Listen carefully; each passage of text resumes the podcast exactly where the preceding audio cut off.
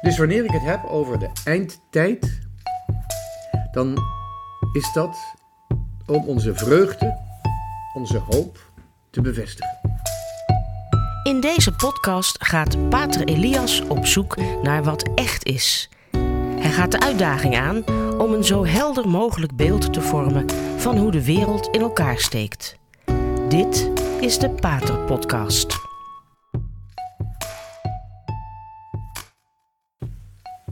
We leven ongetwijfeld in een eindtijd. En als ik dat zo zeg, dan kun je daar op twee manieren uitleg aan geven. Je hebt namelijk twee manieren waarop je van een einde kunt spreken. Je hebt een einde als je het doel hebt bereikt. Er is sprake van een einde wanneer je de overwinning hebt behaald.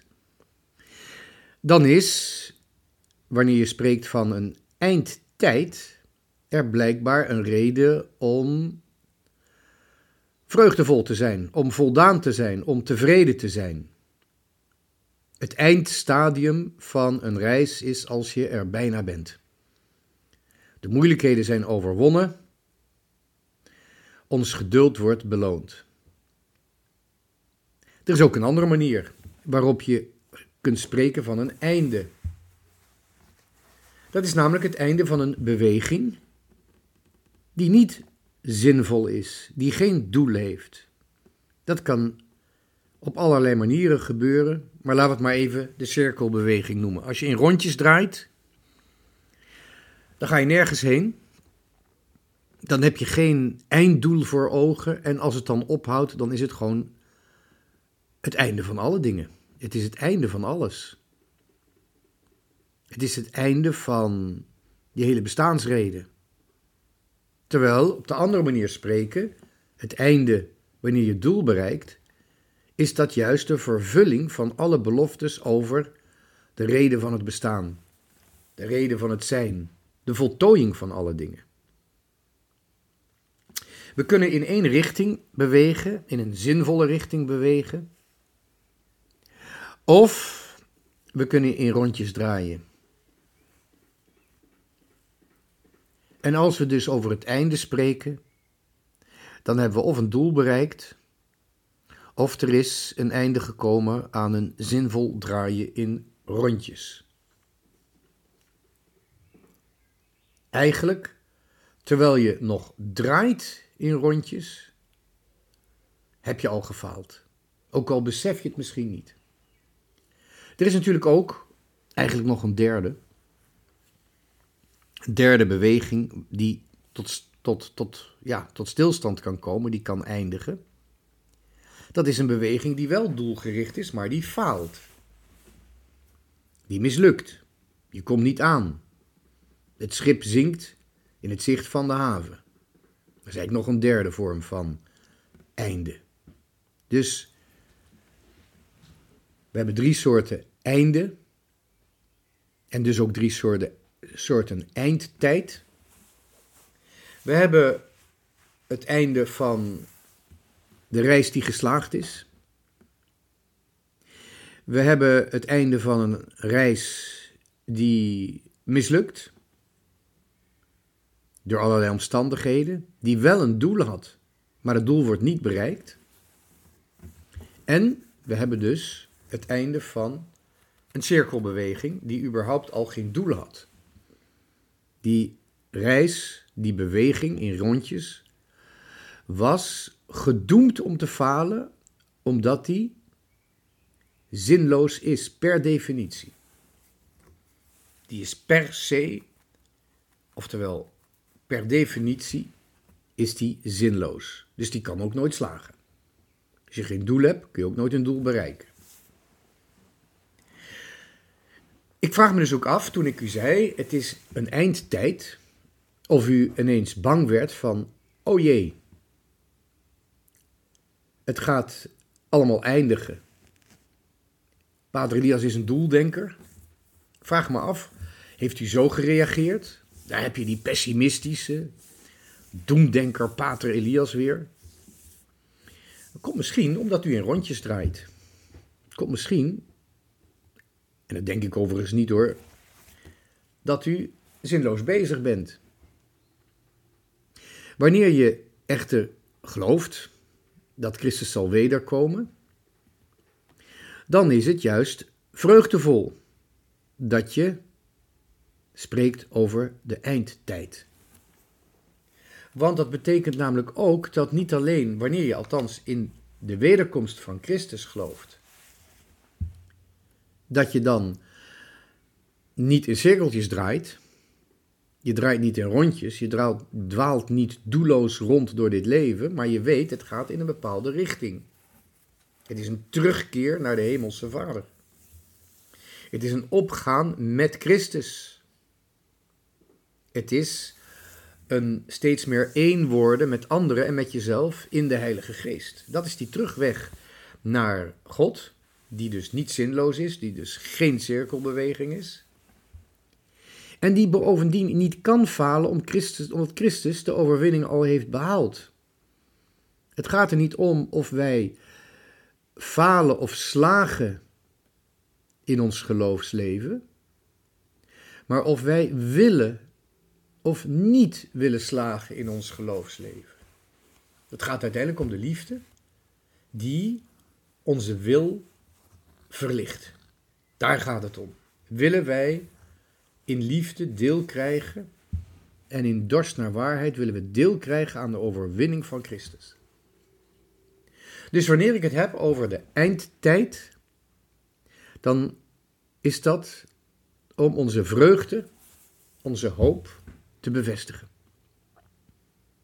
En vanuit dat begin kan ik het dan hebben over waarom dit een eindtijd is. Ten eerste omdat we Christus aanwezig weten in ons leven. Telkens wanneer we de Eucharistie bijwonen, bereiken we ons einde en bereiken we het einde van de wereld. De Eucharistieviering is het einde van de wereld. Vandaar dat ik vorige keer zei dat we in deze tijd een keuze hebben. Gaan we in de synodale weg of gaan we de apocalyptische weg? Gaan we eindeloos praten over wat we geloven en in feite loopt dat erop uit dat we eindeloos gaan praten over wat we niet meer geloven? Dat zie je heel duidelijk in de synodale weg van Duitsland. Daar komen vooral de schreeuwers aan het woord die vooral verkondigen waar ze niet meer in geloven. Dat is pas in cirkeltjes draaien. Het geloof inhoud geven met alles waaruit eigenlijk blijkt dat je het geloof hebt verloren. Of, wat eigenlijk nog veel radicaler is, ook de hoop hebt verloren. Die andere weg is de apocalyptische weg. Dat is je geloof bevestigen, maar tegelijkertijd ook niet te veel terugkijken op het verleden en traditie, alsof jij zelf niet vandaag die traditie ook weer tot leven zou moeten brengen. Traditie kan dood zijn, kan, traditie kan in ons geloof, in onze hoop, in onze liefde tot leven komen. En dat is de apocalyptische weg. Klinkt heel, heel catastrofaal. Hè? Apocalyptisch heeft vaak een negatieve klank in onze taal, net als patriarchaal.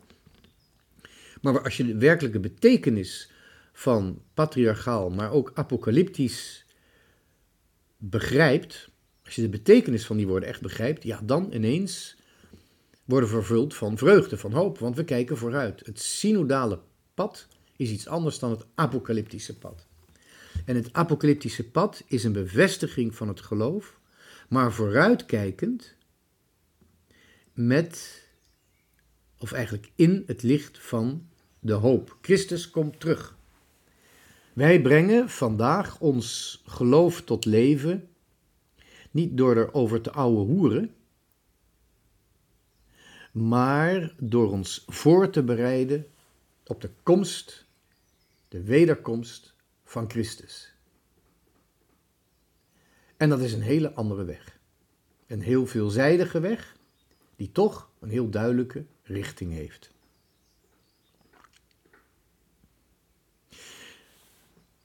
Het is goed om te zien dat het voor ons een eindtijd is, waarin wij ons steeds meer richten op de wederkomst van Christus en het nu al deel krijgen aan zijn overwinning. Maar tegelijkertijd is het ook goed om te kijken hoe de wereld ook in een eindtijd zit. Dat kan natuurlijk ook niet anders, want de wereld is een realiteit, geschapen door God. God die zijn overwinning in Jezus Christus ons aanbiedt. Maar wanneer Christus terugkomt om te oogsten, is er ook voor de wereld een, een einde. En is er, is er dus niet alleen sprake van een eindtijd voor gelovigen die hun oog gericht houden op het einde, maar het is ook een eindtijd voor iedereen die het einde niet ziet of niet wil zien. En ik heb het idee dat het vooral een einde is voor al degenen die proberen een soort van fake heil aan te bieden. Oftewel een vervalste hoop gebruiken om de mensen een niet bestaande verlossing aan te kondigen. We leven in een tijd van revoluties. Een tijd van revoluties die een nieuwe verlossing, een nieuwe redding aan de wereld aanbieden. Maar die redding komt vanuit de wereld. Die komt niet vanuit een andere wereld. Die komt niet vanuit Gods wereld. We leven in een eindtijd van allerlei ideologieën, revolutionaire ideologieën die in rondjes draaien. En die steeds gekker worden en steeds gekkere uitspraken doen en steeds gekkere dingen doen. En ook steeds meer gruwelijke dingen doen. We leven in een eindtijd van allerlei revoluties, of het nou de Franse revolutie is, de liberale revolutie, de industriële revolutie, de seksuele revolutie, de communistische revolutie, de socialistische revolutie. Alle vormen van menselijke verlossing lijken tot einde te komen. Van hun cirkelbeweging. Dus het spettert ook behoorlijk voordat het definitief uitgaat. Dat vuur, dat vuur van die revolutie. Het vernietigende vuur van die revoluties. Twee tekenen daarvan wil ik even aanwijzen. Het ene is natuurlijk iets dat geweldig indruk op iedereen maakt. Dat is namelijk de oorlog in de Oekraïne. In zekere zin is de oorlog in de Oekraïne niets nieuws. Maar ze laat wel iets zien dat naar boven komt, aan het oppervlakte komt in het gebied dat vanuit Moskou wordt geregeerd. Hoe je het ook noemt. De Russische Federatie of Rusland en zo, dat zijn politieke termen. Maar er is, wanneer je dieper kijkt naar de oorzaken, is er veel meer aan de hand dan gewoon een oorlog. En dat kun je niet begrijpen zonder te bekijken of proberen te doorgronden wat voor vorm christendom Moskou en de geschiedenis van Moskou bepaalt en heeft bepaald. Het christendom van Moskou is getekend geweest door een patriarchaat dat zichzelf tot patriarchaat heeft uitgeroepen.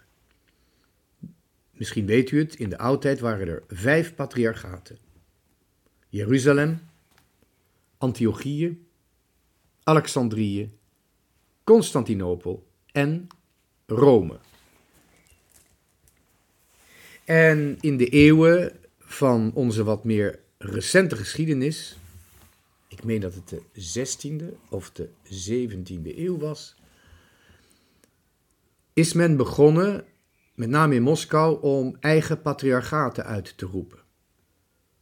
Onder andere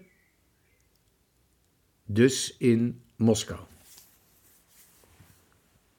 En dat is de meest ja, noordoostelijke, zou je kunnen zeggen, patriarchaat. Dat is uitgeroepen aan het einde van een enorme strijd waarin vanuit Moskou uiteindelijk de Aziatische hordes van het Tataren zijn teruggedrongen. En dat patriarch van Moskou is erg getekend door de opkomst van Moskou zelf, namelijk in de strijd tegen die Aziatische hordes, die Aziatische stammen van nomaden die enorme wereldrijken uh, gesticht hebben. Maar Moskou heeft die strijd overwonnen door wel heel veel culturele elementen van die Aziatische cultuur over te nemen. En we zien dan dat het patriarchaat van Moskou, dat eigenlijk als je het strikt ziet een fake patriarchaat is, want ze hebben zichzelf tot patriarch uitgeroepen. Dat is niet iets dat in de traditie gegroeid is. Net zoals je nooit een Bijbeltekst hebt die door de schrijver zelf is aangewezen als goddelijk geïnspireerd. Dat doen anderen. Dat, doet, dat doen de autoriteiten in het volk van God, of het nou het volk van Israël, de Joden is, of de kerk. Een schrijver van een Bijbelboek heeft nooit van zijn eigen schrift gezegd: dit is door God geïnspireerd. Dat hebben andere autoriteiten later onderscheiden. En zo is het merkwaardig dat een patriarchaat zomaar wordt uitgeroepen door de mensen laat ik zo zeggen, door de patriarchaat zelf. Maar zo is het gebeurd in Moskou. En dat patriarchaat, of zogenaamde patriarchaat, of hoe je het ook noemt, pseudopatriarchaat van Moskou, is altijd gekenmerkt geweest door een hele felle, anti-rationele houding. En daarmee anti-katholieke houding. Veel meer dan de Grieken of andere orthodoxe patriarchale kerken van Oost-Europa, is Moskou een, een, bron geweest van een geloof dat fel anti-katholiek, anti-rationeel is geweest en ook anti-filioque. Het katholieke dogma dat vader en zoon één zijn in het ademen van de Heilige Geest. En die felle anti-filioquistische, als je dat zo mag noemen, anti-rationele en daarmee anti-katholieke kerk, die is het centrum geweest van een rijk dat zich langzamerhand vanuit Moskou heeft uitgebreid. Met hele merkwaardige katholieke ambities, namelijk verschillende naties, verschillende landen bijeenbrengen in één seculiere eenheid, waar de katholieke kerk probeert de naties te verenigen in een onzichtbaar, goddelijk koninkrijk dat niet van deze wereld is en daardoor ook plaatselijke, reële naties kan respecteren. De kerk ontkent niet de nationaliteiten, maar ze moet ze overstijgen. Precies op dat niveau heeft het patriarchaat van Moskou de seculiere wereldlijke leiders van Moskou, oftewel de tsaren, willen ondersteunen in het maken van een soort van seculiere imitatie, zo niet karikatuur van de katholieke kerk. En dat is eeuwenlang bezig geweest. En de tsaren hebben tevergeefs geprobeerd al die eeuwen lang ook een vaderschap uit te oefenen over dat Russische Rijk waarin zoveel naties en volkeren moesten worden opgenomen. Uiteraard onder leiding van de Russische etnie. De Oost-Slavische etnie die in Moskou woonde. De Moscovieten of, zoals ook werd gezegd in de oudheid, de Moscolieten. En omdat de patriarch van Moskou ondergeschikt was aan, in alle, op alle gebieden, aan de tsaar, was de werkelijke patriarch ook de tsaar zelf. En de tsaren zijn uiteindelijk, hebben ze gefaald in het uitoefenen van die vaderrol. En die vaderrol is verloren gegaan met de Russische revolutie. Na die revolutie is er een heel ander merkwaardig verschijnsel opgekomen. De werkelijke machthebbers gedurende tientallen jaren in Moskou, of vanuit Moskou, om dat Moskouse rijk bijeen te houden, dat is de geheime dienst geworden. De geheime dienst waren het werkelijke oog van de almacht die de mensen in de gaten moest houden. En ook na de val van het communisme is de geheime dienst, of misschien juist na de val van het communisme, bij gebrek aan concurrentie, heeft die geheime dienst onder leiding van de huidige president het land volledig overgenomen. De rijkdommen verdeeld, maar vooral bepaalt wie er rationeel mag denken. Terwijl het Westen vaak een chaos wordt door het rationele denken, maar ook ordening vindt door het rationale denken. De ordening van het Westen is in essentie, per definitie, rationeel. Omdat de rationaliteit en de verschillende meningen en de verschillende standpunten misschien wel voor meningsverschillen zorgen, maar die meningsverschillen worden toch altijd op een rationale manier, althans dat proberen we vanuit onze cultuur en vanuit ons christendom, proberen we die rationeel op te lossen. Vandaar dat in beginsel een synodale bijeenkomst om een besluit te nemen helemaal zo gek nog niet is. Alleen de vraag is, welk besluit wil je nemen? Waar wil je heen? De synodale weg of pad kan heel goed zijn. Ik vrees dat het niet het geval is met de huidige synodale paden. Maar een silonaal pad kan heel goed zijn als je weet waar je heen wil. Als je ervan uit kunt gaan dat iedereen het goede wil bereiken met het oog op een einddoel. Als je weet waar je heen gaat. Maar goed, dat terzijde. De geheime diensten van Rusland hebben in feite sinds de revolutie bepaald wie er rationeel redelijk mag denken. En wie dat niet mag. De westerse rationaliteit is eigenlijk geïmporteerd door de geheime dienst.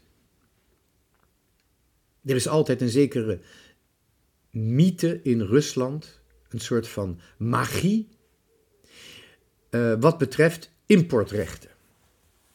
Wie mag wat importeren? En uiteraard, wie mag er alcohol en dure auto's importeren?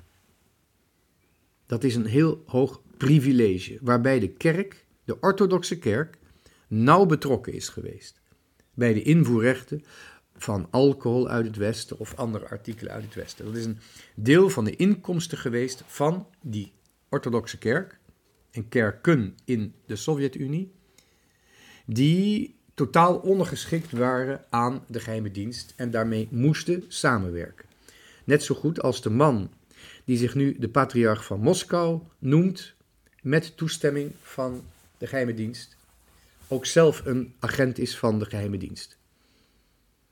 Zijn codenaam is Michailov. Patriarch Kirill wordt binnen de kringen van zijn eigen club de geheime dienst wordt hij Michailov, of werd hij Michailov genoemd. Die monopolie op de rationaliteit is begonnen met Felix Dzerzhinsky, de oprichter van de Tjerka, de eerste naam van de Russische geheime dienst, die een Pool was. Hij heeft die geheime dienst voor Lenin opgericht. En het is werkelijk het importeren van de westerselijke rationaliteit. Als je ziet dat Felix Dzerzhinsky dus niet alleen een Pool was, maar ook een geflopte seminarist. Net als vele dictators had Felix Dzerzhinsky geen vader, althans geen aanwezige vader, en een overheersende moeder, die graag wilde dat hij priester zou worden. Maar het Poolse seminarie had hem geweigerd omdat hij narcistische trekjes vertoonde. Dat wil zeggen, hij zou ongeschikt zijn als priester. En van daaruit is Felix revolutionair en eigenlijk vooral revolutionaire moordenaar geworden. Als oprichter en eerste baas van de geheime dienst. Maar zonder die geheime dienst en de monopolie over de rationaliteit kun je Rusland niet begrijpen. Althans, kun je de Moskouse macht niet begrijpen. En in deze oorlog die we nu zien, zien we ook werkelijk weer een fenomeen van die irrationaliteit van de cultuur die uit het Moskous christendom is voortgekomen. Het totale gebrek aan logistiek in het leger, het, uh, ja, het, de totale ordeloosheid of bandeloosheid van soldaten, of zeg maar hopeloosheid van soldaten tijdens de veldslagen en vooral ook na de overwinning die ze behaald hebben, de moorden en de verkrachtingen, die precies zijn zoals bij de overwinning op Duitsland. Niets nieuws over de zon. We zien het ook in de teleurstelling van de president van Rusland, die steeds dieper gaat over het feit dat zijn ideaal niet reëel blijkt te zijn. Een volk dat niet mag rationeel denken, tenzij met toestemming, dat kan ook niet heersen over andere volken die door de onderdrukking gedwongen zijn geweest om rationeel te denken en inmiddels in cultuur en manier van denken en gericht denken superieur zijn geworden aan de ondergeschikte van de Moskouse macht. De of het nou over Litouwers gaan of Caucasiërs, ze zijn pinterder en zelfstandiger geworden dan het volk dat hun altijd onderdrukt heeft. En dat is het juist het tragische voor um, de Russen ook, dat zij zelfs in de tijd van de Sovjet-Unie het armste volk waren binnen de Sovjet-Unie. In de randgebieden, rond en ver weg van Moskou, leefde men eigenlijk beter, zoals in de Baltische Staten, westerse delen van de Oekraïne, de Caucasus, ook achter in Azië in sommige gebieden, ook al was dat door de corruptie. Daar leefde men beter dan in Moskou in ieder geval in Rusland zelf. Terwijl uiteraard in Moskou leefde men ook wat beter, want dat was het centrum en daar woonden de machthebbers. We leven in een eindtijd van die geheime dienst. De eindtijd van Lubjanka. Lubjanka, het hoofdkwartier van de voormalige KGB, die vandaag FSB wordt genoemd. Maar we zouden nog heel lang erover door kunnen gaan. We leven ook, wanneer we kijken in het licht van de eindtijd waarin wij leven, dat wil zeggen de eindtijd die het einde is omdat ze de eeuwigheid raakt, zien we ook in ons eigen vrije Westen een eindtijd. Namelijk wanneer we kijken naar een bijeenkomst, en ik zal er één uithalen, zoals het World Economic Forum in Davos. Terwijl vanuit Lubjanka, het hoofdkwartier van de geheime dienst, de rationaliteit wordt gemonopoliseerd om een collectieve verlossing, een collectief heil, een collectieve redding aan de mensheid op te dringen, binnen een rijk dat moet strekken van Ierland tot Vladivostok. Het doel van het Moskouse patriarchaat, zogenaamde patriarchaat, is het christendom herstellen tussen de Atlantische en de Stille Oceaan. expliciet is dat hun doel.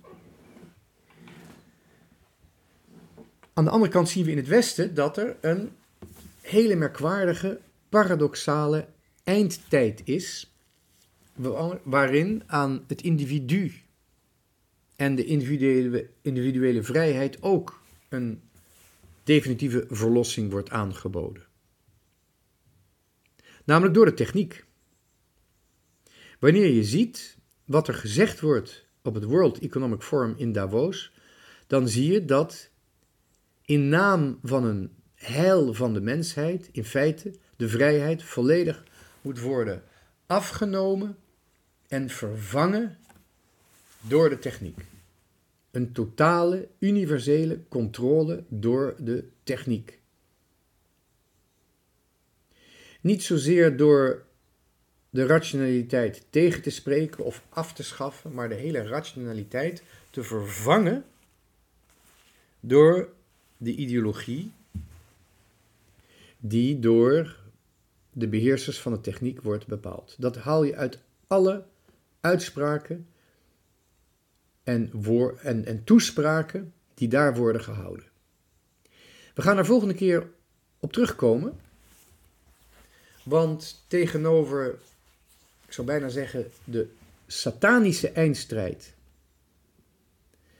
binnen of meer nog vanuit dat pseudopatriarchaat in Moskou, zien we in het Westen een soort van Luciferiaanse eindstrijd. Een Luciferiaanse crash. Daar ga ik volgende keer wat dieper op in. Bedankt voor het luisteren.